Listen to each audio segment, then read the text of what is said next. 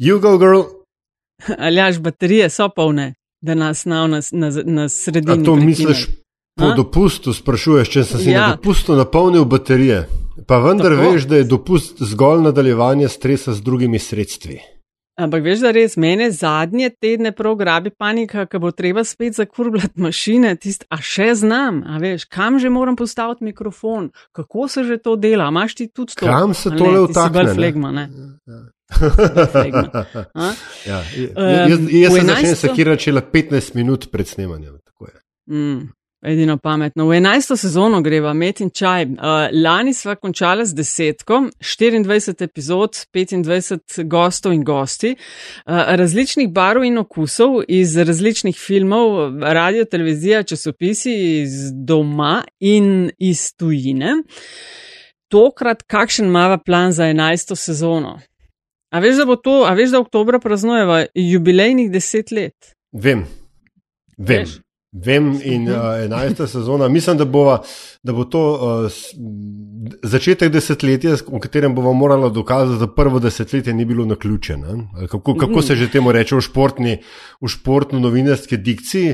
In ko so že pri tem, sva neke obljube dajala, da bova imela več športnih novinark in novinarjev. Ja, in novinarjev. Ja, Jan je pisal, da, da nam absolutno manjkajo. Sem šla gledati za zadnjih deset sezon in uh, premal. To je odgovor. Tako da uh, se bova potrudila, da v novi sezoni uh, to popravlja. Sicer pa za prvo epizodo v novi enajsti sezoni Metinega čaja, to je podcast o medijih, dobrih in slabih praksah, novih tehnologijah in trendih prihodnosti.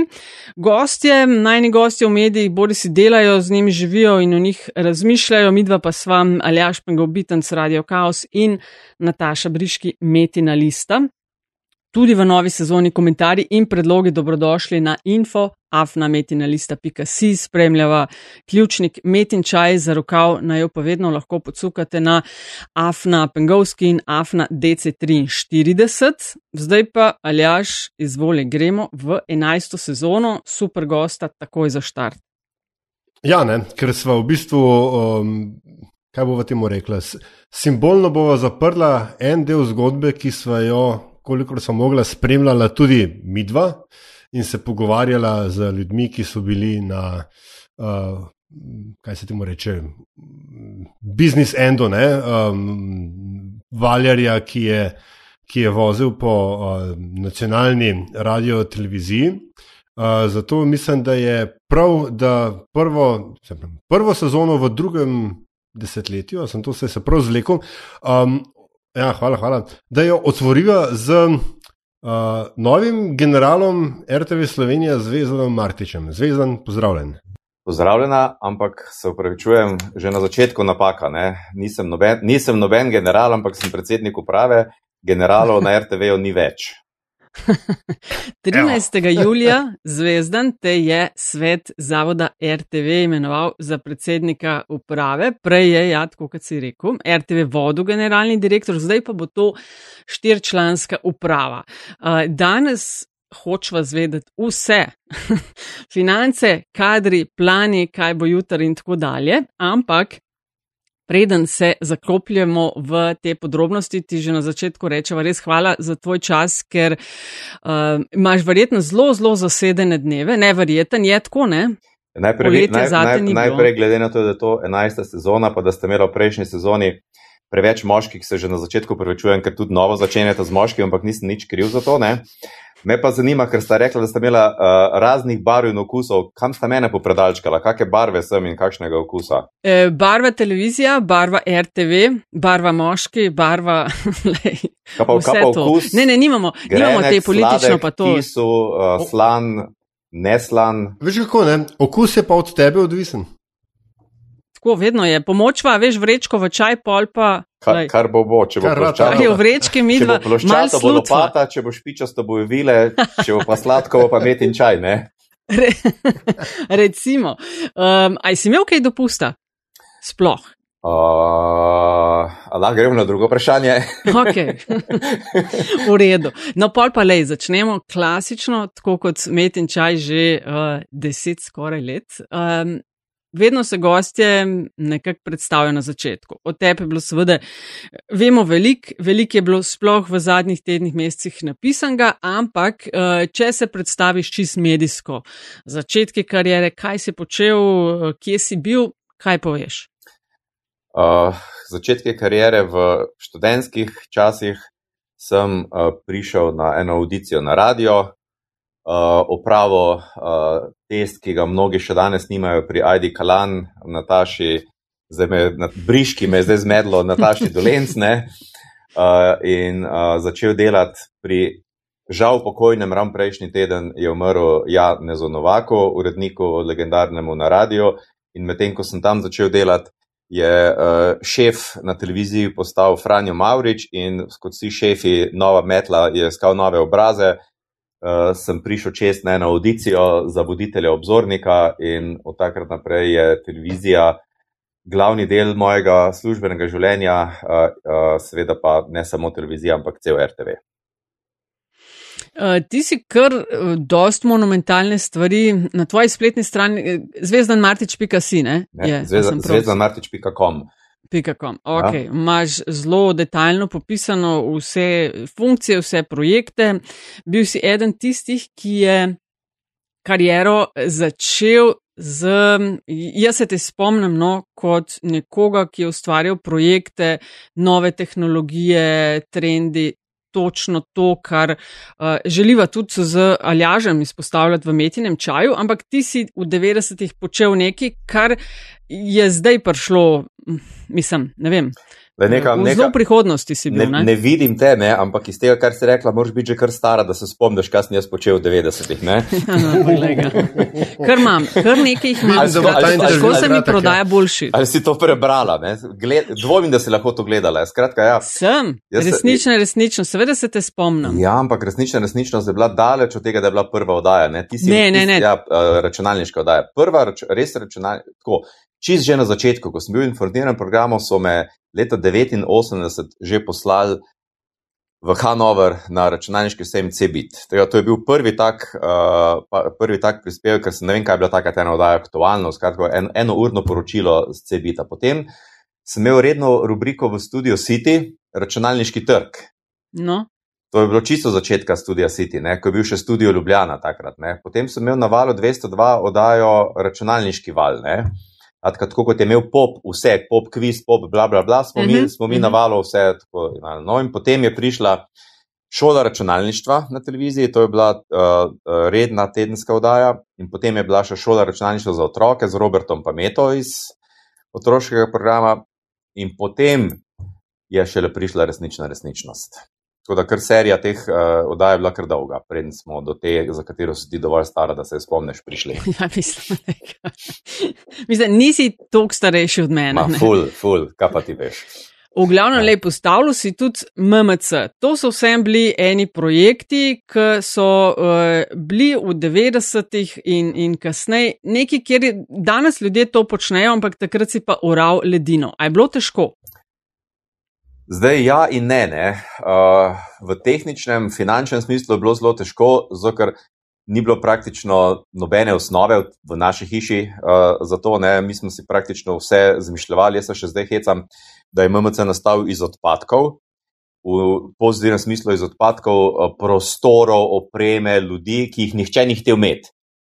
Tisto, kar nihče ni hotel imeti, sem jaz nekako združil, zato da sem imel uh, prostor, zato sem imel eh, stroškovno mesto, zato sem imel kogarkoli. Ne, uh, uh, pozitivno je bilo to, da so mi dali popoln mir, ker nihče ni vedel, s čim se ukvarjam, uh, nihče ni tega razumel. Tudi ko, bil, ko so prišli časi za menjavo neustreznih kadrov, sem jaz prišel na koncu na vrsto, tega, ker uh, enostavno niso vedeli, s kom ali s čim naj me zamenjajo, ne, ker niso niti razumeli, kaj, kaj delamo v MMC-ju. Tako da sem v bistvu skoraj cel mandat, tisto, ko so se menjavale, preživel, ne šele čist na koncu sem prišel na vrsto. Uh, drugače, bilo je pa fajn zaradi tega, ker uh, sem delal z ekstremno mladimi ljudmi, večina ljudi so bili še študenti, nekaj celo dijakov. Ne? Uh, in to so, vse, glede na to, se s, tem področjem ukvarjata zelo specifični ljudje, ki se ne, zna, ne znajdejo v urejenih sistemih, v firmah, ki imajo svoje hierarhije in tako naprej, urnike. In jaz sem na to, na to noto bil zelo dojemljiv, ne? in so se zato pri meni dobro znašli, smo se zelo dobro razumeli, in temu pri meni so bili tudi rezultati. Ne? Tako da uh, fanti in dekleta, ki so delali tako tehnične kot vsebinske, novinarske, oblikovne stvari, so našli tukaj eno okolje, kjer so se lahko res razcveteli. In jaz sem že večkrat rekel, mnogi od njih so danes milijonarji, ne? in mnogi od njih tudi javno, re, ampak resnično milijonarji, ker so uspeli v svojih poslih. In mnogi od njih rečejo, še zdaj tudi v intervjujih preberem, kar si štejem kot posebno čast, ne? da jim je bilo ravno to delo v MMC odskočna deska. Eni so dobili reference, ker če nekaj, če te, ti ne moreš globalno nekomu nekaj prodati, če nisi nekje lokalno vsaj eh, v tem uspel. Drugi so se naučili, eh, kot se, rekl, kot se reče, uh, izpekli zanat, obrtniško znanje pridobili. Ne? Tretji so dobili neko dovolj veliko mrežo ljudi, da so se potem lahko povezali. Ne? Skratka, mislim, da je bila to uspešna zgodba ne samo uh, za me, ne samo za RTV in MMC, ampak tudi za ljudi, ki so potem živeli svoje življenje naprej in uh, ki so večinoma še zdaj v stiku z mano in zdaj, ko sem v tej funkciji. So mi bili najbolj všeč od vseh čestitk, ki sem dobil, so mi bili najbolj všeč njihove, ker so rekli: Upam, da boš na RTV uspel to, kar si uspel v MMC-ju. Zdaj, uh, za um, reče, nepoučene je treba vendarle povedati, da ne izključno, ampak tukaj gre tudi za um, Andraža Torija in ekipo odprtega kopa, ne? če se prav spomnim. Ja, prav, Andraž uh, Tor je eno, eno tistih, ki to izpostavlja, da če ne bi odprtega kopa prodal RTV-ju uh, in tako. potem je RTV s tem odprtim kopom šel na EBU in ga tam predstavil in so potem druge uh, eh, RTV po, po Evropi začeli to pogledati, in je potem lahko on naredil turo po Evropi in to prodal. Uh, verjetno ne bi uspel uh, narediti firmo, ki jo je potem na koncu uh, drago prodal in je uh, globalno uspešen človek in firma njegova tudi. Tako, hotel sem pa sam pripomniti, ne, da vse te um, hvale um, mladim ljudem, ne, um, verjetno se Marko Prpiču tudi zdi blazno dobro, če mu rečeš, da je mladne. ja. Uh, uh, mogoče, mogoče samo to, no, ker, je, ker, ker smo, ker smo z, z, z um, jaz in uh, radis, radijski del. Ne. Kako zelo težko je bilo, pač, ker tudi Mar, Marko Taprpiča uh, poznam ne, in poznam tudi um, te zgodbe o tem, kako so se. Kako se recimo ena velika organizacija, preden gremo, z, mogoče to tudi instruktivno vprašanje potem za, za, za bolj aktualne debate ne, o, o RTV-u, kako se ena velika organizacija odloči za standard, ki ga bo uporabljala. Ne? Ker jaz sem pa dovolj star, da se spomnim stvari, kot so bile Real Player in vsi ostali proprietari formati za predvajanje pretočnih vsebin, ne, kot, smo, kot se zdaj temu, temu slovensko reče. In vem, da so bili klep, ne morem reči, da bili konflikti, ne, ampak različna mnenja, zelo, zelo, zelo na začetku. Kako, kako te, te odločitve potekajo? Je, je to bilo še vedno, da je pač nekdo pribil z roko in rekel, da ta format bomo uporabljali preko mene mrtvog, ali pa so bili mečkam bolj, um, kako bi temu rekel, uh, uh, uh, argumentirane odločitve. No, kot jaz vem, nihče ni umrl, ne, tako da ta argument uh, preko mene mrtvega je očitno deloval. uh, lej, formate, ki si jih zdaj našteval, uh, so takšni, ki so bili gl globalni standardi. Okay. Uh, tako, tako da uh, težko je uh, reči, da se je nekdo zmislil nekaj, pa rekel preko mene mrtvog. Eh, RTV je v zelo redkih primerjih, in eno teh je peer-to-peer, ki se je v mojem času zgodil, bila globalni lider. Ne? Pač RTV povzame tisto, kar je, uh, v, v, in tako kot vsi ostali, ne? kar je v svetu uh, najbolj razširjeno, uh, in je tudi najlažje izvedljivo, ne? ker se ti ne moreš uvesti nekaj, česar nihče v tvojem okolju ne zna, ne prodaja, uh, in, in tako naprej. Skratka, če imaš v hiši uh, enega biologa, boš pač delal oddaje v biologiji, če imaš pa enega računalničarja, boš delal pa oddaje v, v, v računalništvu. Ne? Če imaš nekoga, ki obvlada real player, pač delaš to, če imaš nekoga, ki ne vem. Windows obvlada, pač delaš tako. To so pač neki objektivni, objektivni uh, razlogi. Uh, praviloma se pa take stvari uh, dogajajo, dogajajo potem tako, da če je stvar uspešna, na tem konju nekaj časa uh, jezdi, oziroma na tem valu uh, jezdi cela hiša. Ne? Ko se pa izkaže, da obstajajo boljše rešitve, se pa začne iskati uh, boljše rešitve, če jo seveda znaš izpeljati in tako naprej. Sej, Uh, vse v čem je pa razlika, ko avtomobile kupujemo. Ne? Zakaj imamo na parkirišču Hyundai ali pa Ford ali pa kaj drugega? Ne? Verjetno bi se lahko pogovarjali o, o vsaki stvari, ne samo o novi tehnologiji, zakaj je nekaj, pa nobena stvar ni šla preko mene mrtvega. Uh, RTV poznaš v nulo, koliko 30 let je beležeš v tej bajti, ali manj več, kle nekje, ne? Več, več, več, 35. Aha, no, eh, si pa prišel ne iz novina, ti nisi novinarstvo študiral, ne? elektrotehnika. Ja, ne, ja? pa moram povdariti, eh, ne sam študiral, tudi doštudiral. Ne?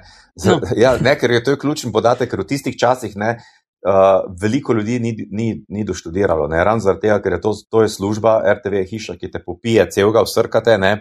In, Res, in ja. dobiš priložnost, in potem si v bistvu od jutra do večera tle. Ne? Se tudi meni je to zgodilo. Jaz sem prej, elektrotehnika je tako zelo organiziran študij, za celo leto vnaprej se vejo izpiti, tudi se ve nek logičen vrstni red. Najprej narediš matematiko, potem, ker rabiš tisto znanje, potem pri nekaj meritvah in, in, in tako naprej. Ne? In imaš načrt za celo leto naprej narejen, kdaj boš kaj šel delati. In sem tako vsak mesec delal delo, uh, izpite, lepo redno, ko sem pa začel delati na RTV, sem pa kar enkrat ugotovil, da šest mesecev nisem nobenega izpita naredil, pa ne da bi ga padel, celo nisem šel delati nobenega. Mm -hmm.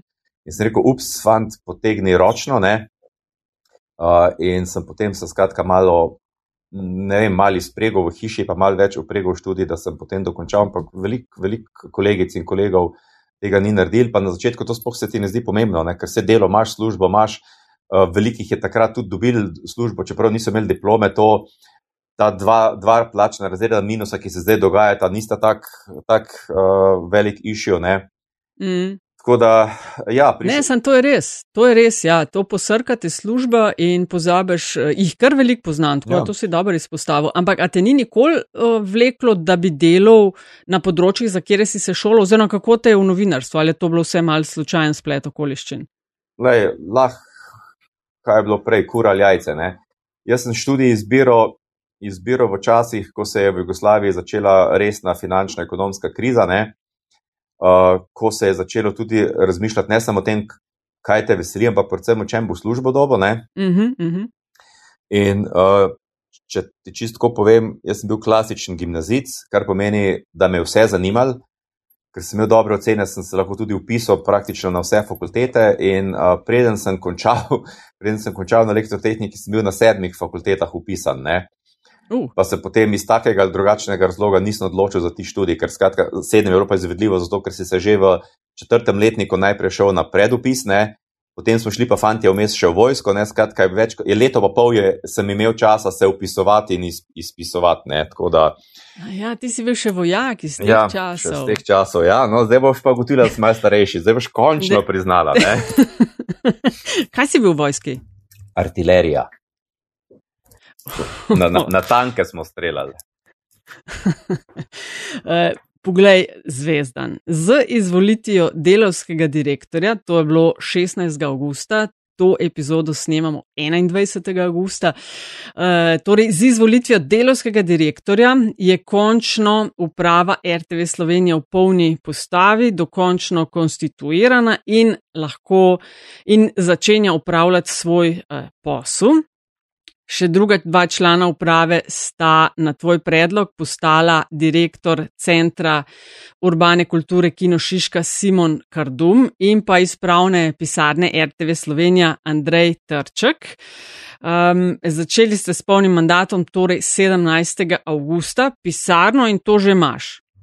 Ja, jaz imam pisarno že dva tedna dlje, zaradi tega, ker sem bil po razrešitvi takratnega VD generalnega direktorja gospoda Grah Vatmova imenovan jaz za uh, VD-ja generalnega direktorja, tako da preden sem uh, dejansko začel upravljati delo kot predsednik uprave, sem dva tedna upravljal delo kot VD generalnega direktorja. Tako da ja, jaz, jaz jo že imam, uh, danes pa lahko rečem, da imajo tudi že danes 21.8 da imajo tudi vsi trije ostali člani uprave, eh, ker so jo v petek uh, dobili, danes pa že vidim, da jim računalnike nosijo noter in tako naprej. Ja. No, gospod predsednik uprave, povejte nam, kaj nameravate narediti, kakšen je vaš plan za RTV Slovenija. No, gospa Nataša Briški, jaz predvsem računam na to, da bodo odnosi med ljudmi ostali takšni, kot so bili prej, tako da bom jaz zate še naprej zvezdan in jaz tu tebe zdaj ne bom vikal, čeprav si ti med, v šali mene začela vikati. Ja. Uh, lej, najprej osnovne stvari, ki sem jih v svojem programu uh, obljubil in napovedal ob kandidaturi, smo že naredili prejšnji teden. Jaz mislim, da smo prejšnji teden uh, naredili stvari, ki so eno leto težile to hišo, uh, ki so uh, uh, razbremenile uh, notranje odnose, razbremenile nekaj ljudi, ki so bili v groznih stiskah.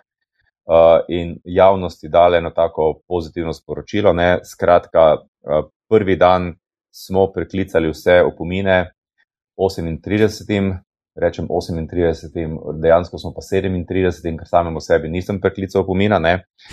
Uh, 37. Ti si ga tudi imel? Ja, seveda, ja, tudi jaz sem ga imel. Ja. Skratka, 37 kolegic in kolegov, ki so dobili uh, popolnoma neupravičene opomine uh, pred odpovedjo in tako naprej, smo preklicali. Drugo, takoj smo uh, povabili uh, stavkojoči sindikat uh, k pogovorom in sindikat se je že odzval in predlagal predlog. Skratka, najdaljša stavka v zgodovini RTV-ja se bo končno premaknila uh, z mrtve točke. Imamo že določen strani sindikata, mi smo jih smo prosili, da naj predlagajo termin, oni so že predlagali termin, ki ga seveda sprejemamo. Atka ta pogajanja se nadaljujejo in pripričan sem, da bomo konstruktivno pripeljali to zgodbo do konca. In tretjo, takoj smo objavili razpise za direktorje, direktorice televizije, radia in digitala, tako da se čim prej, da se skratka ne čaka, ne zavlačuje, ampak da se čim prej konstituirajo vsa, vsa potrebna vodilna mesta in da lahko ta hiša začne funkcionirati. Da se neha to no. VDO-stvo. Mogoče ravno, ravno pri tem vprašanju, ne, ker se je uh, na teh funkcijah se je v bistvu ta um, zadnji napad na, na RTV zares ne, začel ali pa, ali pa postal najbolj viden ne, na, na tem um, razpisu in ponavljanju razpisov, nepopolnih ne prijavah in čakanju na pravega kandidata in, in, in, in tako dalje. Ne, eh, pravi kandidat, kdo, kdo, oprosti, pravi kandidat je ja. že takoj prijavil, sem ni znal dodati pravilne prijave, zato se je ponavljal. No, no, se jih prav ne popolne prijave, to, to, ja. to sem mislil. Ja, seveda, ja. Kol, kako lahko, pač, kolikrat lahko ne podpišeš lastne prijave, ampak v redu, uh, en pi pasati. Ja. Um, kdo bo določil kriterije za, za te funkcije? Se kriterije, kriterije ne kdo, določa ena oseba, kriteriji no, so no, zapisani v zakonu in statutu in kriterije lahko pre, že prebereš, ker so objavljeni. No, Spisi in, so javni od prejšnjega tedna, lahko, okay. začneš, lahko začneš pisati program in se prijaviš. Ja, to, veš, to sem si vedno želel. No, sicer, sicer res, ampak, ampak moče rabim še kakšno. No, in, ampak, si še eh, premlad, dru, mogoče za to funkcijo. Tako, ja. tako. Ne, ne.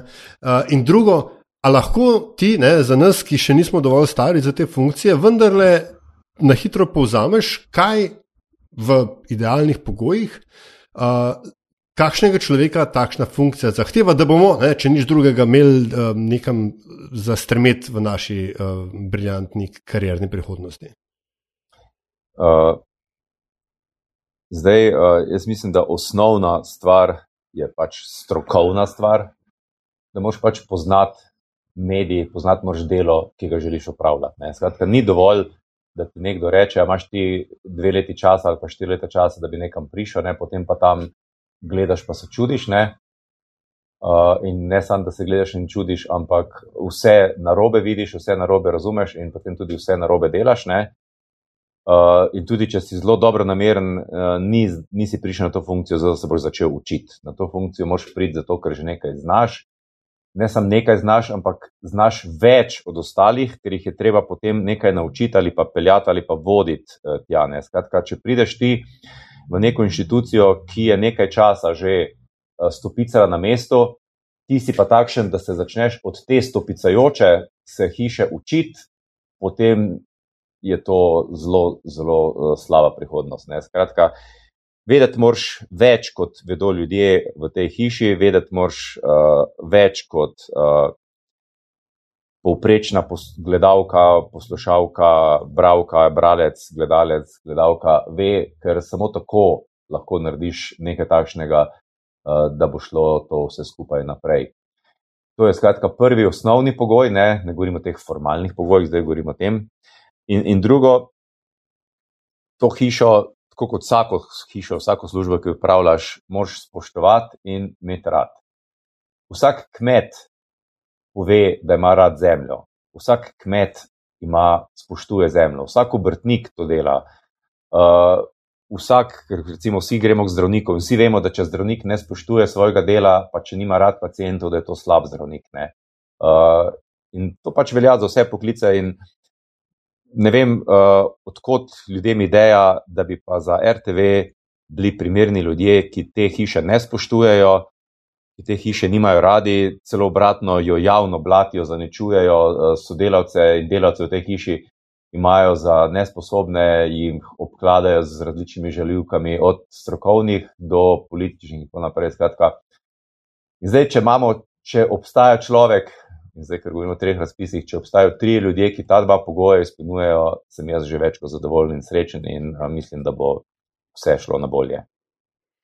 Um, čist iz radovednosti, zvezdan, uh, no, a te bolj, zan mislim, bolj zanima. Ne, želim v bistvu deliti na A ali B, eno ali drugo, ampak ali si želiš bolj, da bi se na te funkcije ali pa da bi zasedli te funkcije notranji kadri, ali bi se ti zdelo fino, če bi bili to tudi zunani kadri, neobremenjeni z bodi si aktualnim dogajanjem ali s čimarkoli povezanim z, z RTV. Zdaj, že vprašanje je. Uh uh, že namiguje, kaj želi. In ali, lej, ne, sej, že mislim. namiguješ, kaj bi rada slišala. Ne? Zato, ker si povedala, da so notranji ljudje obremenjeni s tem, zunanji ljudje pa niso obremenjeni s tem. Ne? Lahko bi postalo vprašanje obratno. Ali si želiš ljudi, ki poznajo hišo, ali po, si želiš ljudi, ki pojma nimajo v hiši. Ne? Skratka, Absolutno, v obe ja, smeri. To, to se pravi, uh, vsaka stvar ima svoje prednosti in svoje slabosti.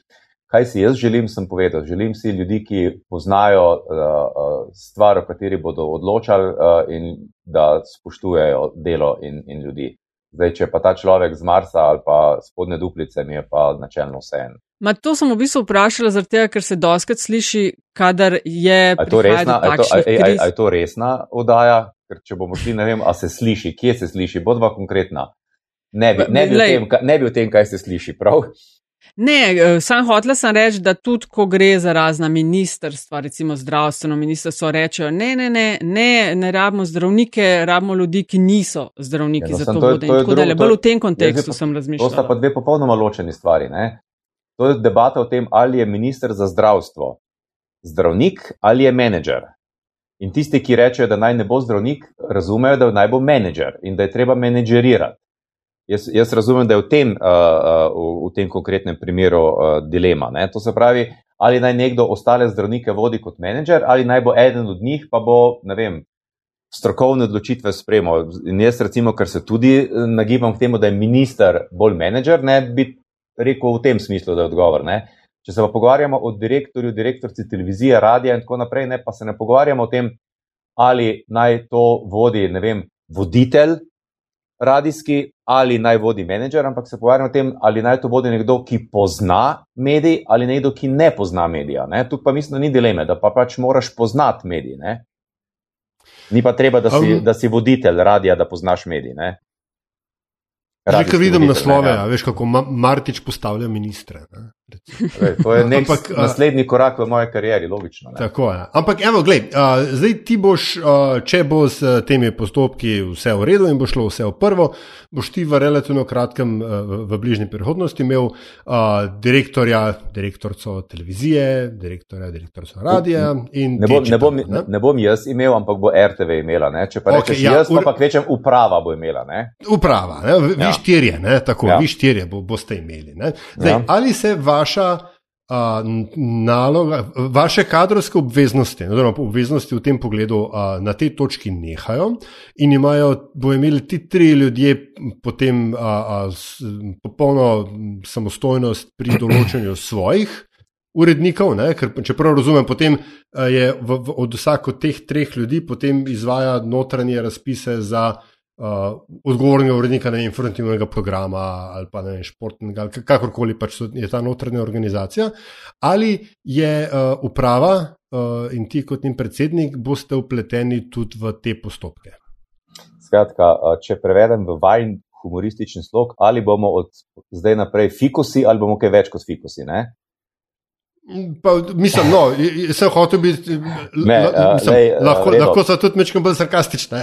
uh, lej, uh, mislim, da se spet lahko vrnem k, na primerjavo z Ministrstvom za, za zdravje. Uh, ali je vodenje RTV-a ali je vodenje ministrstva uh, izvajanje operacij v, v uh, operacijskih sobah, uh, ali je torej vodenje RTV-a uh, oddaja Dobro jutro na televiziji, ali je vodenje uh, RTV-a nekaj čisto drugega. Ne? To, kar ti sprašuješ o odgovornih urednikih in urednikih, je natančno definirano v zakonu in v statutu kdo objavi razpise, na kakšen način, uh, kdo odloča, in tako naprej. In, in so pristojnosti popolnoma jasno določene. Ne? In uh, tukaj nimamo kaj razpravljati. Uh, se uprava upleta ali ne upleta samo na takšen način, kot je uh, zakonsko določeno. Ne? Delo uprave pa predvsem nekaj popolnoma drugega. Ne? RTV niso samo odaje. Da, da nasta, mislim, ne samo odaje, Vdaja je končni izdelek, program je naš končni izdelek, ampak da, da pride do tega programa, moramo imeti pa najprej ljudi, moramo imeti opremo, moramo imeti uh, povezave do oddajnikov, do operaterjev, moramo imeti avtopark, uh, nešteto, moramo ne na zadnje uh, um, imeti denar, da vse to lahko naredimo. Ne? Skratka, nešteto drugih stvari, ki pa so. V pristojnosti uprave in uh, niso v pristojnosti urednikov, odgovornih urednikov in direktorjev televizije. Ne? Tako da delo uprave uh, ni, kdo bo vodil uh, jutrajne poročila, delo uprave ni odločanje o tem, kdo bo gost v odmevih, kar seveda zdaj le nekateri uh, zadnje dni, kako še vedno so takšni, pa takšne vsebine, pa tako naprej. Ne?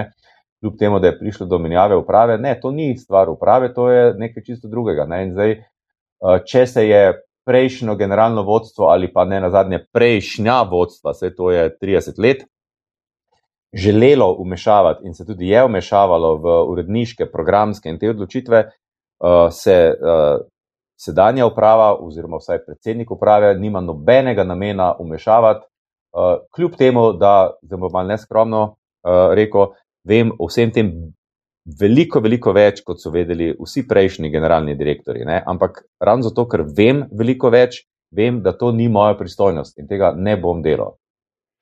Uh, nisi bil izvoljen to, kar si zdaj uh, omenil, sveda, da bi bil fikus oziroma da bi bila uprava fikus. Pričakuje se velike spremembe in pričakuje se jih zelo hiter. Zelo hiter pri tankerju, kot je RTV Slovenija, ne gre nič. Kaj odgovarjaš tem, ki pričakujejo, da bo že jutr drugače, pa veva, da ne bo, ker ne more biti zaradi postopkov, kakršni so. Uh, ni, jaz, eh, beseda tanker je sicer na mestu, ne, ampak uh, ne moreš od tankerja, tanker ni kriv, da je velik, pa da je tanker. Ne. Tanker je pač tanker, je pač tanker ne, in uh, tanker je najboljša vrsta prevoza za nafto, recimo, če se zdaj o tem pogovarjamo. Ne, ne moreš z, z jadrnicami prevažati uh, milijonov uh, kubičnih metrov uh, nafte.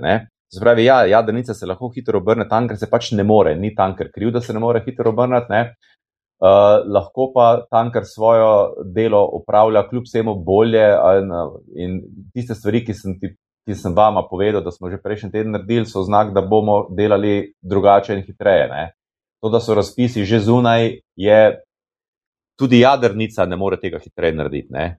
Če prvi dan objaviš razpis, si torej naredil tisto, kar bi lahko tudi jadrnica naredila. Skratka, ta tanker uh, je že s prvimi potezami pokazal, da bo maksimalno, kolikor je za tanker možno, učinkovit.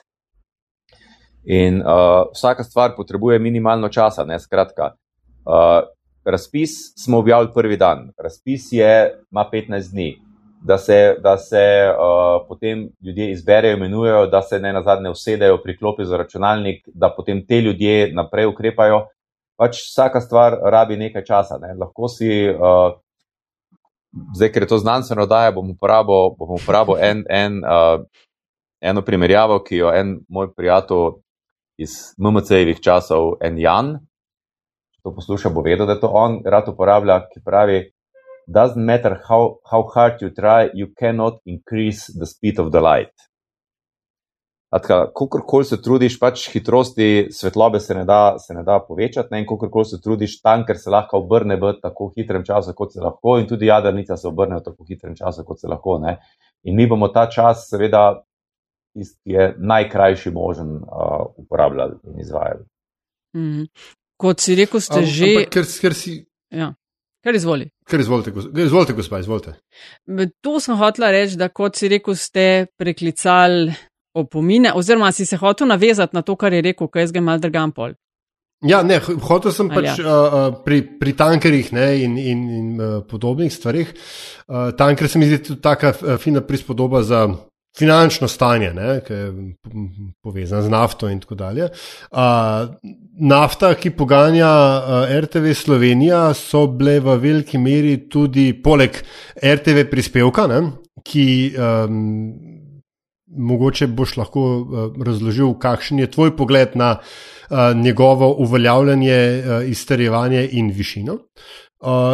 Tudi, so tudi bile finančne naložbe RTV-ja, ki, kjer pa je tudi prejšnji, prejšnja uprava pot, pač izvajala poteze, ki so bile, kot se je skazalo, v škodo, v škodo finančno RTV-ja, vsaj dolgoročno. V kakšni kondiciji si ti dobil, ste, pardon, ne, ste vi štirje no. zdaj? Mi štirje, Dobili. ja, ja. Ja, ste dobili uh, uh, hišo. Lej, zdaj hodim po tankem ledu, zaradi tega, ker to so pač, prepričan sem, v neki meri tudi poslovne skrivnosti. Ne? Uh, tako da uh, ne vem, če smem, celo mi, mislim, da ne smemo o številkah govoriti. Ne? Uh, bom uh, rekel v zelo slabem, v vsakem primeru, niti približno takšnem, kot ga je prejšnja, prejšnje generalno vodstvo predstavljalo javnosti. Niti približno. No, naj nadaljujem eh, mal s kadrovsko politiko. Kot si rekel, ste eh, nemudoma, ko ste nastopili polni mandat in tako preklicali opomine. Zdaj, prejšnja garnitura je z odpovedmi opomini grozila tistim, ki so si drznili kritizirati stanje in vodstvo in po zelo hitrih postopkih so zaposlovali um, ne vem, je ustrezna beseda lojalci, skratka, uh, točno določene ljudi. Uh, pričakuje se, uh, seveda, odpuščanje teh in, in podobni manevri, ampak samo, a imamo statistiko, koliko jih je bilo v zadnjih letih, ker za RTV se skozi posluša, ni denarja, ni denarja, ni denarja, zmanjšati bi mogli tistih 2000 plus. V zadnjem letu in pol se je dogajalo nasprotno, ne? zaposlovalo se je na polno, a imamo številko, koliko je bilo tega? Zdaj, skupna številka zaposlenih se je zmanjšala, ta, to, to nimaš prav, ne, da se je povečevala, okay. zaradi tega, ker je uh, bilo veliko upokojitev. Uh, bilo je veliko uh, upokojitev kot tehnoloških viškov, skratka z odpravninami, Uh -huh. nekaj, uh, zdaj številk ne vem, točno še, mislim, da moram vseh številk imeti v glavi. Ne. Ja, ja, razumem. Zelo veliko ljudi je z zelo visokimi odpravninami, upravičeno ali pa neupravičeno, uh, verjetno večina upravičeno se je upokojilo in to je statistično zmanjšalo število zaposlenih.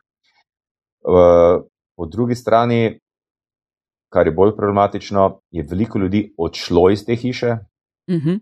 uh, veliko tudi zelo kakovostnih uh, kadrov zaradi slabih razmer. Šli so konkurenčnim firmam, šli so tudi iz tega poklica, ki so ga upravljali. Ne, ta, to, to področje je bistveno bolj oslabilo uh, uh, hišo. Ne. Uh, koliko prihodov je bilo tudi kar nekaj, ampak uh, kakšni, po kakšnih kriterijih, uh, ne vem, ker pač nisem, ja. nisem bil zraven, ko so jih uh, zaposlovali. Ne. Rezultati so bolj ali manj vidni vsem, tako da uh, Kakš, ja. Kakšno je tvoje načelno stališče? Ne? Eh, ker vem, da, da hodiš po tankem ledu eh, tudi zaradi nove vloge, ki si jo prevzel, ampak tvoje načelno stališče do bodi si zaposlovanje, eh, jaz jim rečem, družbeno-političnjakov in od poslovanja. Ker tudi vsi, ki so prišli v zadnjem času, težko rečeš, to vse je slabo, tako kot so na drugi strani lahko problem in so se izkazali v zadnjem dobrem letu uh, dolgoletni kadri, ki so res popolnoma politično delovali. Uh,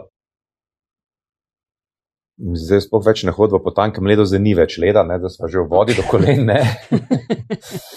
ampak se si triatlon, si to plavanje obvlada. Ja, ja, ampak če si v vodi do kolen, ne moreš plavati. Ne. To, to, to ni. V vodi do kolen se lahko samo utopiš, v bistvu.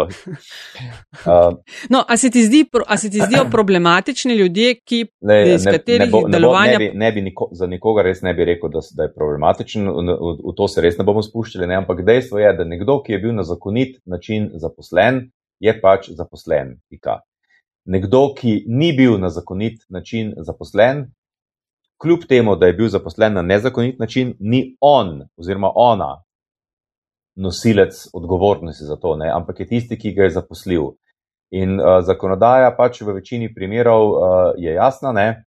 Uh, tudi če si se ti prijavil na nek razpis, nisi sam kriv, nisi ti kriv, če je, če je delodajalec to izpeljal napačno. Ne? Skratka, ljudje so, o komorkoli že govorimo, govorimo uh. -huh. so v tej službi, so zaposleni, so ali za nedoločen ali določen čas, kakršne koli pogodbe že imajo jih in jih imajo. In to je pač dejstvo. In vi imate pravilnike, oprosti, zvezdan, vi imate pravilnike, kaj se konstituira kot. Uh, to smemo, to pa ne smemo, ker smo profi oziroma novinari in novinarke. V opis dela in nalog ne šteje, ne vem, eh, politično forsiranje eh, kogarkoli. No, A so kakšni te pravilniki, da lahko na podlagi teh določil se gleda v drobovje delovanju posameznih sej, ljudi? Sej si novinarka, imamo, imamo uh, statute, imamo pravile, imamo kodekse, Uh, vse, seveda, imamo to na nivoju združen, na nivoju države in seveda na nivoju firme. Uh, zdaj pa, ker smo že ugotovili, da smo že vsi kar nekaj let imamo na grbi, ne? jaz pa ne poznam niti enega primera, da bi nekdo zaradi kršenja političnih ali kakšnih mm -hmm. drugih kodeksa službo zgubo. Ne? Če se pa motim, mi pa povejte. Uh, jaz tudi ne. Kar pa ne pomeni, da niso delovali v tej smeri, da ja. niso Ja. No. Tako da ne vem, ne vem kakšen odgovor pričakuješ, ali pa kakšen koli dejanje. Ne, ne, samo ja. tvoje razmišljanje o tem. Če, če ljudje kodekse črt, eh, kršijo, vse na zadnje imamo dva, dve združeni novinarjev različni, ne, ki eni ena mnenja dajo, drugi, drugi dajo druga mnenja. Uh, tako pač je eno. Ne vem, ne vem kaj, mhm. kaj bi ti lahko odgovoril na to vprašanje. Ne, da bi hotel Nataši besede v usta polagati, ne? ampak. Od meni, ne? Vse si ti zdaj ne, ne, ne, ne, ne, ne, ker Nataša me, me pol vedno po prstih reče, kaj rečem, a si hotla reči, da, tri pikce. Um, ampak. A, a, Večkrat se je pač v zadnjem, spet, ne, se je prej rekel, to ni samo vprašanje zadnjih dveh let, ne, ampak je vprašanje morda zadnjih dveh desetletij ali pa še več, se je pač naredil občutek, da uh, je po vprašanju profesionalizma v pač določenih primerih, ne nujno vedno pri istih osebah, da je tega profesionali, profesionalizma očitno zmanjkalo. A ti lahko skačemo, skočimo In... besedo, zdaj sem pa dovolj skočil besedo, se upravičujem. En, en Joli pa lahko izkoristim. Ne? Piko bom naredil pri tvojem vprašanju, Zaradi tega, ker uh, od tukaj naprej ti verjetno sklepam, želiš govoriti o RTV-u. Jaz bi pa rekel, to, kar si ti rekel, drži, ampak drži za celo Slovenijo, za vse slovenske medije. Samo da si večina slovenskih medijev se ukvarja samo z RTV-jem, ostalim pa se nekako gleda skozi prste. Ja, res smo javni servis in tako naprej? Uh, ampak tudi drugi, nekateri imajo sebe za neutralne, pa je pri njih bistveno manj profesionalnosti, bistveno več pristranskosti, pa si eni pač javno ali ne javno uh, pripenjajo značke od različnih strank, pa vsaj orientacijo levo, desno in tako naprej, ne? nekateri pa se delajo, da so neutralni, pa se o tem ne pogovarjamo, ampak je RTV ena taka primerna boksarska vreča, nad katero se tudi ostali mediji in novinari spravljate in gledate med vrstice, gledajo med vrstice vsaki naši novinarki, novinarju, uredniku, urednici za neke stvari, ki so drugje še nkrat hujše. In jaz mislim, da je stanje, ki je na RTV-ju, takšno tudi zaradi tega, ker je ta uh, uh, profesionalna kritičnost do nas bistveno večja, kot je samo kritičnost. Ne bom zdaj medijev posegno uh, poimenoval, ampak številni mediji o svojih lastnikih nič ne govorijo, pri stranskosti svojih lastnikov nič. Potem iz kolegijalnosti tega ne naredijo tudi do drugega medija, ker bi ta drugi medij lahko za njih to vprašanje postavil. In o, o naših novinarjih in novinarkah uh, se pa nkrat bolj kritično govori. Da, uh, Misliš, da po krivici? Vse sem že povedal. Uh, ne, mi, če, mislim, bi zdaj, temi istimi, če bi s temi istimi vatli gledali na ostale, potem bi nam ploskali. Ker pa ne gledate na, na ostale, potem se o nas, o nekaterih na, v naših vrstah govori, govori izredno kritično, upravičeno ali neupravičeno, mogoče kdaj, upravičeno večino krat, ampak samo na nas se tako gleda, na druge se ne gleda. Ja, v redu, credit or credit is due, uh, ampak uh, vendar nisem hotel tega vprašati. Ne, ne vem, zato sem ti poskočil besedo.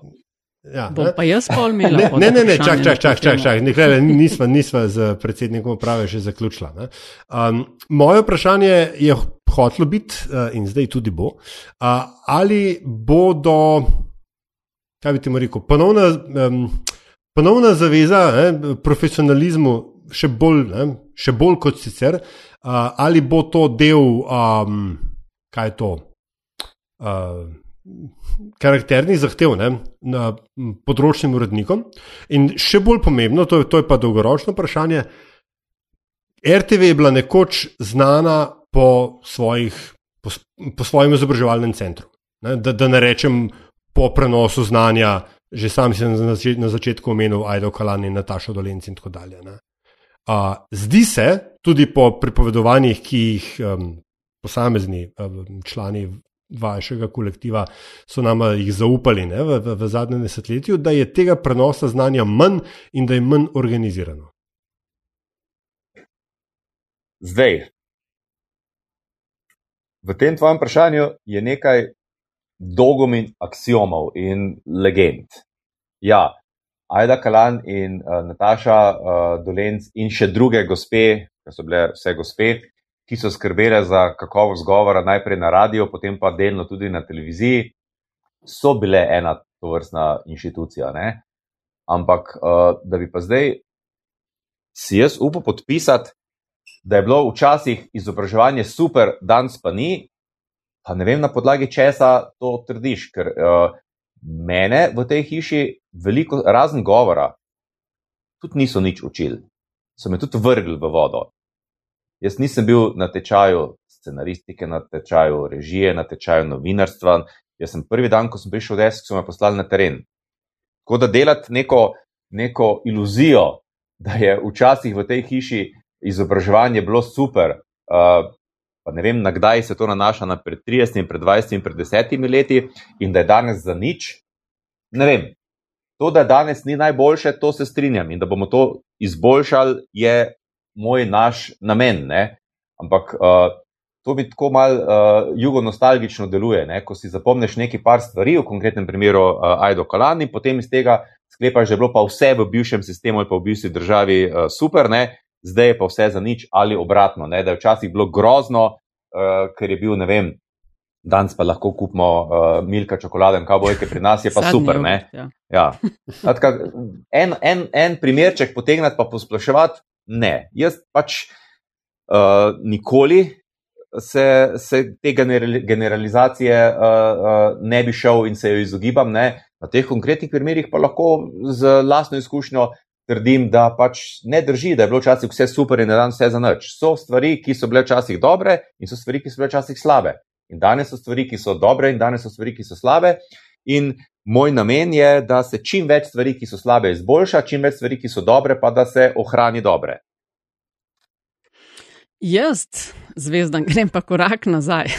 grem pa k prejšnjemu vprašanju, ki te je razburlo, glede kritiziranja in to. Zdaj, kdorkoli dela v medijih, nime, nime, v zadnjem času. Ni me razburlo, samo uh, povedal sem dejstvo. Pa Energičen odgovor si imel. Absolutno je dejstvo. Ker sem straš, strasten človek in uh, ker to, to delo upravljam strastjo, nisem neka spužva. In to se mi zdi super. Uh, kar sem želela v tem kontekstu reči, je, da na temo medijev kritik je sploh v zadnjih letih tudi za voljo porasta avtoritarnih, populističnih liderjev zelo velik. Zdaj, kaj jim nekaj ne gre, hopla mediji so ja. krivi. Uh, tudi valjda v Sloveniji, seveda, uh, po mojem, gre največ kritik, uh, doskrat upravičeno, včasih seveda tudi ne, uh, smo vsi pametni na temo RTV-ja. Ampak, ne, zakaj mislim, da um, lahko to delamo do neke mere? To je daleč največji javni medij pri nas in edini, za kjer ga plačujemo vsak mesec 12,75. Zato mogoče lahko mal više standarde in mal več upravičeno pričakujemo od te hiše. Misliš, da ne? Uh, seveda lahko od hiše pričakujete više standarde kot od drugih. Ne. Beseda najviše je tako, to je isto od, od slovenske nogometne reprezentance, lahko pričakujete najviše možne standarde, to se pravi, da so svetovni prvaki, pričakuješ lahko, če pa to realno pa ne. Besedo lahko bi pa še to uporabil. Ja, to lahko, zato ker, ker je lahko, ne. Zato ker, ko napadete, bom zdaj tako rekel, jaz se spomnim, ko sem predaval, ko sem predaval uh, predmet multimedijev, pa sem študentom razlagal razliko v neodvisnosti javnih in komercialnih medijev. Ne? In mislim, da ni nobene dileme, da pač javnemu mediju je delno lažje zaradi tega, ker je, ima zagotovljen vir financiranja. Je pa seveda vse tako po takratnem zakonu, pa tudi v večini držav, tako pod vplivom politike. Medtem ko komercialni mediji ne, je pa pod bistveno manjšim vplivom politike, ne, je pa zato pod vplivom oglaševalcev, ne, uh mhm. -huh. ki lahko na marsikaj vplivajo. Mislim, da tukaj tu ni dileme, ne, da se to verjetno vsi trije strinjamo. No, ja. Povem pa, da sem dobil takoj na naslednjem predavanju protest od enega velikega komercialnega medija, da pristransko predavam. Ne. Ker si skratka ne dovolijo kritike. Ne dovolijo si kritike. Mi si jo pa pač moramo dovoliti in zato nas lahko, ker ko bi se karikirano generalni direktor, predsednik uprave, odgovornik ali karkoli nekje začel oglašati, kaj pa vi nas kritizirate, da ne rečem, če bi poklical tako prijateljsko kakega urednika, bi bila to seveda takoj zgodba o umešavanju. Ne? Če pa to naredi nekdo iz velikega oglaševalca ali iz komercialnega medija, pa pač to ni, ampak celo malo cviknete, kaj pa če bomo zaradi tega zgubili, ne vem, tega pa tega oglaševalca, pa to ni zgodba, ker ni, ni popolnoma normalno, da uh, se vse čas, vseh 30 let, samo naša merila, naše standarde, naše ljudi, naše oddaje mhm. kritizira, ostalih pa ne. ne. Naredite, ja, no. naredite eno analizo v nekih kolumnah, ki piše v medijih, koliko krat se pojavlja kdo drug, koliko se pa pojavljajo RTV oddaje in mediji. Ja, ja. upravičeno, veliko krat si zaslužimo, ampak to se pa dela predvsem zato, ker se lahko, ker je easy, ja. bom tako rekel, lahko v tem angliškem smislu easy. Ja. No, veš, kako lahko, tudi, lahko gledaš to, na to tudi drugače. Ne? Tukaj se vsaj vidiš, kaj, koga in koga in kaj kolumnisti v resnici gledajo. Ne? Ja. No, jaz bi predvsem dodala k temu, je ja. 260 epizod sva posnela v zgodovini Metinega čaja, ki je podcast o medijih in mal, mal me veseli, da naj kar praviš, da ne, rabe, da ne maraš generaliziranja, da naj jo mečeš v koš z, z, z tistimi, ki nekritično kritizirajo RTV, Oba dva sva zelo velika zagovornika nujnosti javnega servisa, jaz osebno hkrati pa, da um, absolutno je prostor za izboljšanje. No, zdaj do, zdaj, poznaš... do zdaj nisem vedel, da imamo vajo zaveznika, super, vzeto na znanje. Nisi vedel, mislim. Ja. Uh, no, kakorkoli, uh, 30 let, kot si rekel na začetku, si na RTV-ju. Kaj poznaš vse slabosti RTV-ja? Kaj so po tvojem največje? Zdaj, vseh slabosti se bojim, da še ne poznam, ne, pa da jih tudi ne bom nikoli spoznal vseh. Ne.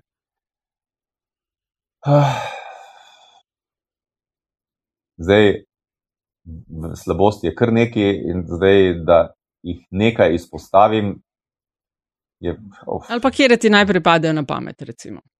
Ne nujno, da so to top 3 ali pa top 10, ampak ne, vsaka, misliš, vsaka da... stvar, zdaj bom tako rekel, ne, vsaka stvar, ki bom zdaj rekel, je avtomatično problematična. Ne. Ali bom kritičen do svojih sodelavk in sodelavcev, ne, pa se bodo eni, ki jih bom zdaj izbral, počutili okay, užaljene, ne, ali pa uh, bom, uh, karikiran, če bi zdaj rekel, da imamo premalo denarja, bom pa seveda takoj uh, uh, sovražnike v javnosti dobil, da hoče nam vzeti še več denarja, ko, ko jim ga že tako, tako dajemo. Ne? Skratka, izpostavljati par stvari, ups, ne vem. Dobar, je pač to nekaj, kar, je, kar si imel na spisku, kar si verjetno predstavil, ja. ker se vse na predstavitvi ni, ni moglo, ja. ker a, jaz pa bom, jaz bi pa rad bil to, da je te me izvolite, ampak je bilo treba napisati, povedati, to pa to pa to hoče. Ja bom tako rekel, ko so o slabostih sprašvali, so predvsem o mojih slabostih sprašvali. Ne? Niso jih zanimale slabosti RTV. Ne? uh, okay, gled, prej rekel si, um, ne, uh, če, boš, če boš rekel, dajte mi še več denarja, te boš postal sovražnik uh, javnosti, kaj je to številka ena. Ne vem. No, ne vse, no. uh, uh, nekoč, ne. Ja. Ja, mnogo, mnogo pomladi nazaj sva uh, na tem istem mestu, ne, takrat sicer ne virtualno, pa smo bili celo živo v studiu, uh, imela uh, Marka Filja, ki bo takrat um, generalni ja, direktor RTV. Uh, od tistega pogovora se spomnim, izmenjave je šla nekako tako. Ne. Uh, sva ga vprašala, za koliko bi moral biti RTV prispevek višji, da na RTV-ju ne bi bilo, predvsem na televiziji, ne, ampak tudi radio, ne bi bilo oglasov. In mislim, da je rekel, da približno ne 2 evra. In, ampak, ampak da njemu se to uh, ne zdi, da se mu tudi zdijo oglasi del informacij, ne, ki jih RTV uh, um, ponuja uh, uporabnikom, uporabnicam. Uh, ne, je, In sada ja vas pitam, kako visok, ne pač oglasi gor dol, kako visok bi moral biti po tvoje RTV prispevek, da bi uprava RTV-ja mirno spala? Zdaj, uh, da so oglasi del informiranja, je zelo zanimiv pogled na. Tudi jaz sem dobil, da so te svoje isto misli. Delovanje ja, medijev, ja, tako da ja, zdaj le vrtimo oči, ker ne vidite, ne obrvi dvigujem in tako naprej. Ne, skratka, težko bi kaj bolj zgrešenega o, o naravi medija slišal, kot, kot je to. No? Da, tega pogleda uprava oziroma predsednik uprave zagotovo ne deli z komorkoli uh, od sedanjih bivših ali, ali kaj že za oglasi, pač niso del informiranja, pika informiranja nekaj popolnoma drugega in med tistimi, ki se ukvarjajo z oglasi in tistimi, ki se ukvarjajo z osebino informiranja, mora biti visok neprehodni zid. Pika. Uh, zdaj, uh, če se pogovarjava pa o, o, o znesku, lahko matematično čisto enostavno to ugotovimo. Ne? Sedanji, če želimo ohraniti sedanji, uh, sedanjo višino prihodkov, ne? pa če ukinemo uh, oglase, je treba pač ta vir nadomestiti. Ne? In oglasi so tam, če zelo čez prst, desetina uh, naših prihodkov, ne? to se pravi, bi se morali drugi prihodki povečati za, za desetino, ne? da bi bili na isti ravni. Uh, zdaj, uh, koliko pa bi denarja potrebovali, da bi lahko uprava mirno spala, ker verjetno javnost ni dedek mraz, ne? dedko mrazo pa pač pišeš za več, kot v resnici potrebuješ. Uh, je to ni vprašanje za upravo, ne? to je vprašanje za celotno družbo. Ne? Kaj ta družba pričakuje in kaj se ta družba lahko privošči. Ne? Če vzamemo primer, ki je najbolj uh, drag, po moje, ne? nogomet, liga prvakov, cena je zelo visoka. Če javnost misli, da mora biti liga prvakov na TV Slovenija, potem vemo, koliko to stane, pa stane vsako leto več, pa mogoče se včasih celo tega ne da kupiti. Ne? Koliko to stane? Ne vem, ker je to poslovna skrivnost tistega, ki je to kupil, ampak mi niti do kolen ne sežemo in, Mhm. in te stvari se celo več ne prodajajo tako, da bi jo lahko kupila TV Slovenija, ker se prodajajo v paketu za celo regijo. Pa je potem kupi nekdo, ki obvladuje cel, ne vem, Balkan ali vzhodno Evropo ali kar, kar, kar, kar že pač ne, da ne bom zdaj uh, govoril stvari, ki jih ne poznam v, v detalje. Ne. In uh, kupi za 5-6 držav, in sploh ni na prodaj za posamezno državo, in tako naprej, in tako, in tako nazaj. Ne. Skratka, če bi si, recimo, mi želeli kot družba, da je to pri nas, potem je pač treba to plačati. Ne. In potem, če bi želeli imeti takšne pa takšne filme in pa domate, domače serije in tako naprej, skratka, uh, lahko potem pridemo ne do 12, lahko pridemo tudi do 100, se vse se da porabiti. Ne? To je približno tako kot, kot uh, Mhm. za, za slovenske filme. Vse kolikor kol denarja država nameni za snemanje slovenskih filmov, mislim, da so vsakič uh, se najdejo uh, potencijalni producenti, režiserji, scenaristi, ki niso bili zbrani in ki mislijo, da bi morali biti zbrani, in, in tako naprej. Ne? Skratka, sky is the limit pri, pri željah. Ne? In zato pač to nek dogovor, kaj vse si želimo in kaj vse je, kaj vse je možno. Se, uh, se pogovarjamo o vsem, se, se ne pogovarjamo samo o televiziji, pa nogometu. Se gre za podnaslavljanje oddaj, gre za prilagajanje oddaj slepim, gre za pokrivanje uh, nešteto dogodkov in tako naprej. Ne? Uh, ali, skratka, vsega tega je neskončno, ne? uh, glasbenih sestavov, vsega tega. Skratka, v, pri vsaki stvari, s katero se ukvarjamo, v življenju se treba pač, vse vsako gasilsko društvo bi rado imelo verjetno še dva avtomobila več ali pa boljša avtomobila več in, in tako naprej. O čemer koli se pogovarjamo, uh, bi lahko imeli več in seveda je treba nek kompromis sprejeti med tem, kaj nujno rabimo, kaj je fajn, da bi imeli, kaj je super, če nam kaj ostane, predvsem pa, kaj si lahko privoščimo, ne? kaj in koliko. Ne? Je pa res, da pri nas je smo sedaj prišli v stanje, ko na, od zakonodaje od nas nekaj zahteva, mi pa nimamo dovolj denarja, da bi to, kar zakonodaja od nas zahteva. Ne? Tako da uh, tu je vedno treba te uh, pod črto gledati, kaj, kaj nekaj pomeni. Če smo se zdaj pogovarjali o plačah, ne, ko uh, v, v nek, neki stavki javnih uslužbencev ne, se pogodijo, da bo do javnih uslužbencev, kar so RTV tudi, ne, imeli, pa za toliko pa toliko evrov večje plače ali pa za toliko pa toliko razredov večje plače, to avtomatsko pomeni, da iz tega uh, fiksnega kolača denarja, ki ga RTV ima, gre več za plače, kar pomeni, da gre manj za, se bi rekel, nogomet, za nogomet, ne? ali pa za glasbo, ali pa za film, ali pa za karkoli pač ne. In to je pač zelo enostavna matematika, uh, odgovor na tisto prvo vprašanje je pa dolg, kot že tale moj odgovor. Ne? Financiranje javnega zavoda, ki je 1275, je enako od kdaj že? 2526? Če se ne motim, od, zdaj moram poiskati 2010 ali pa 2012. Aha, ja. skratka, že kar, kar lep čas. Ja. Uh, ko si zvezdan prej omenil, da so te na, na zagovoru, na rekovaju, predvsem spraševali o tebi, uh, dve stvari, če lahko poveš. V zadnjih tednih, odkar mesecih tudi, odkar si zasedel ta položaj, se je prelil velik slabega na te in me zanima, a kako imaš zgrajeno obrambo in koliko zelo ti te stvari pridejo do živega, ter b, če opišeš sebe kot vodjo, kakšen misliš, da si? Pod A ne berem in ne poslušam, uh, pod B uh, poslušam. Ok, v redu. Okay. Meni so, men so te opisali, da si ošter. Da si ošter. Zdaj, pa ne vem, kaj to pomeni, nikoli nisva okay, delala skupaj. Ok, ok, v redu, ti bom tako odgovoril. Če, če sem se jaz prav uh, s, s, razumem slovenščino, je nasproti od oster top. Ne? To se pravi, kaj imaš raje, da sem oster da sem top? Um, veš kaj, jaz predvsem rada delam s profi. Ja, no, vem, ampak da... ti, si, ti si izpostavila ta predelnik oster, nasproti od oster je top. Ja, to so mi te opisali, No, da si jaz, oster uh, lider, da torej ne boš blag, si jaz predstavljam, da veš, kam hočeš in da te ne bo strah stvari spela. To si jaz tako predstavljam. Aha, Kakšen okej. pa boš, pa ne vem. takšen sem, vse se na stara leta ne morem spremeniti. Ja.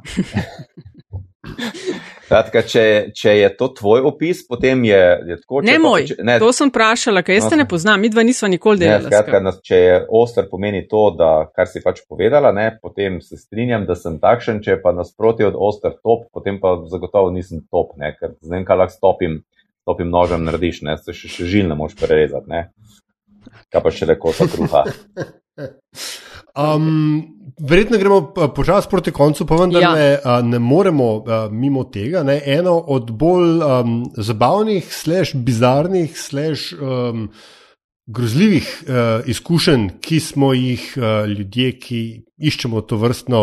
Um, Pač, ki se nimamo dovolj radi ne, in, in smo to gledali uh, zato, ker smo hoteli gledati, so bile seje takrat še programskega sveta RTV Slovenija. Um, in ta bizarna dinamika med vodstvom, uh, svetom in uh, potem posameznimi uh, zaposlenimi uh, na RTV-ju. Kakšen je vaš odnos do zdaj samo sveta, RTV Slovenija, uh, in kako si vi štirje predstavljate to sodelovanje zdaj v, v, v prihodnosti? Kdo bo koga spraševal in kdo bo komu um, se volontiral informacije, ali pa kako zelo odprti boste za m, direktive o tem, ka- kaj bi moral RTV početi? Zdaj, uh, v moji moči je način, kako s kom komuniciram. In tukaj bo moj način komuniciranja z uh, svetniki in svetnicami uh, spoštljiv, strokoven. Kaj pa kdo od koga zahteva in kaj kdo komu naredi, je pa predpisano v zakonu in v statutu. In uh, jaz bom spoštoval zakon in statut. Tu ne gre za to, kaj bi jaz hotel ali pa ne, kaj si jaz zmišljujem ali pa ne. To je natančno predpisano in naša uh, razmerja so natančno določena in tu ni nobene dileme. Ne? Jaz imam pa, Aljaš, zdaj sem se spomnila še eno vprašanje, čist preden gremo na zanimivost, če dovoliš, ali si želel še kaj dodati? Ne, ne, ne. ne, ne.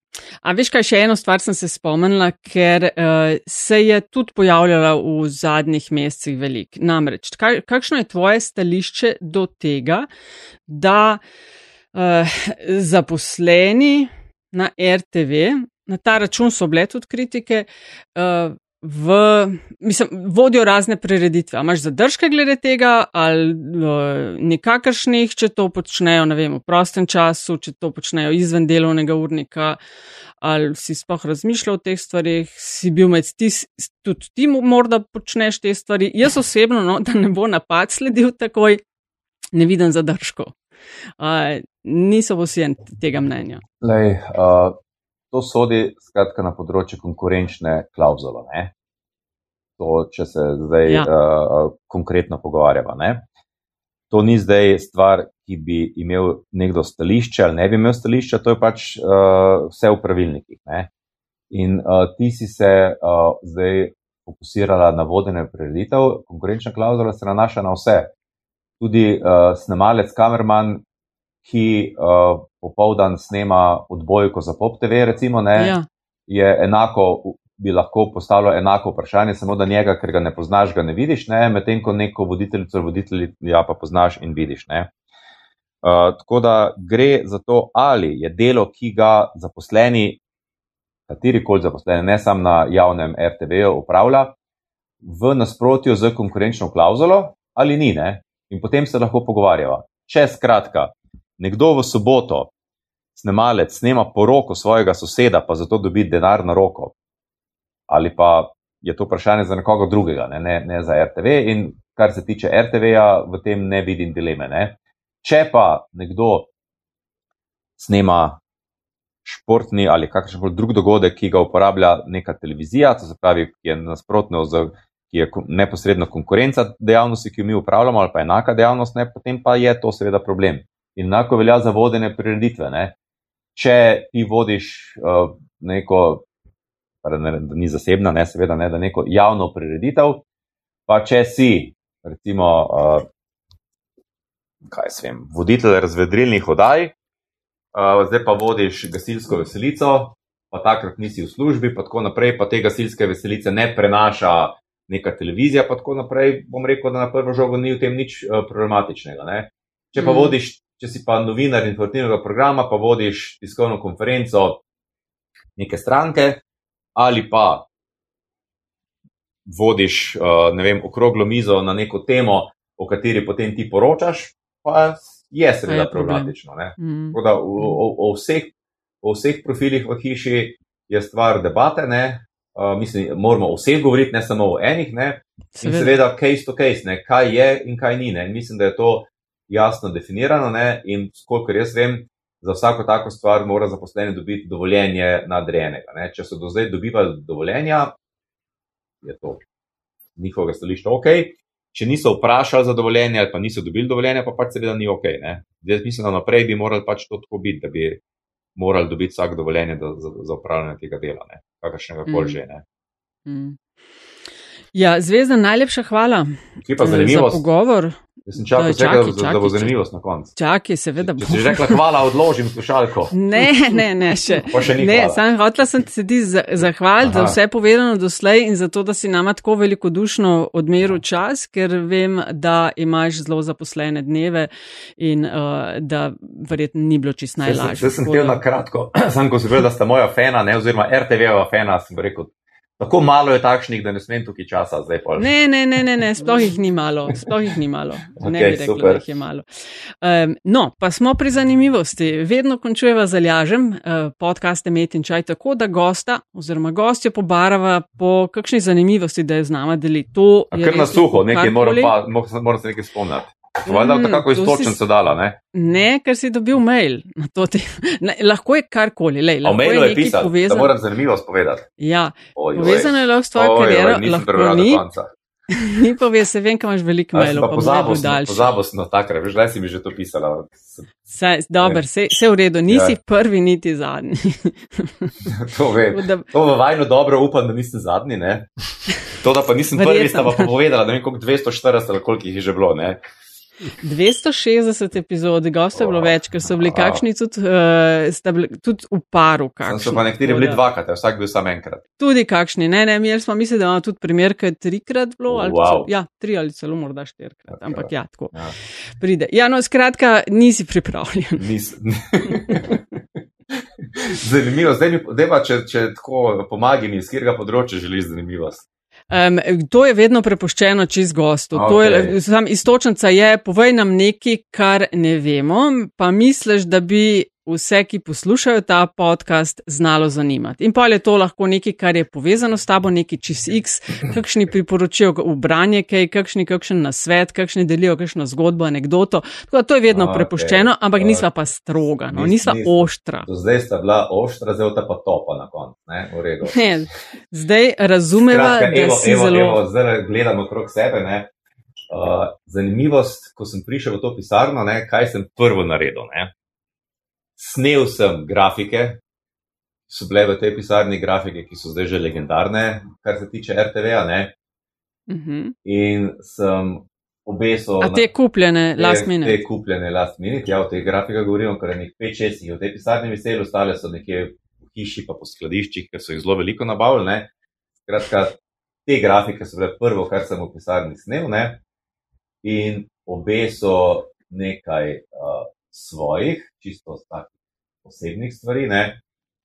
Uh, in ena od teh osebnih stvari je, je slika iz, iz filma uh, Gospodar prstanov, ker se v oži ekipi tistih, ki smo bili med 38, skoraj odpuščenih, pa tistih, ki smo stali pred hišo, pa ki smo stavkali, pa tako naprej ko vlečemo neke asociacije z našo situacijo, pa uh, da ne bi na predolgo opisovali, kaj rečemo. To je pa tako kot v gospodar prstanov in tako naprej. Tako je gospodar prstanov bil tak light motiv uh, uh, v ožji ekipi okrog mene v zadnjem letu. Evo, in ta, na mesto grafik imam zdaj tam Aragorna, Frodota, Gandalfa in, in te junake iz gospodara prstenov. Sem mislil, da boš pa rekel, barbi imam na steni in napis It's enough.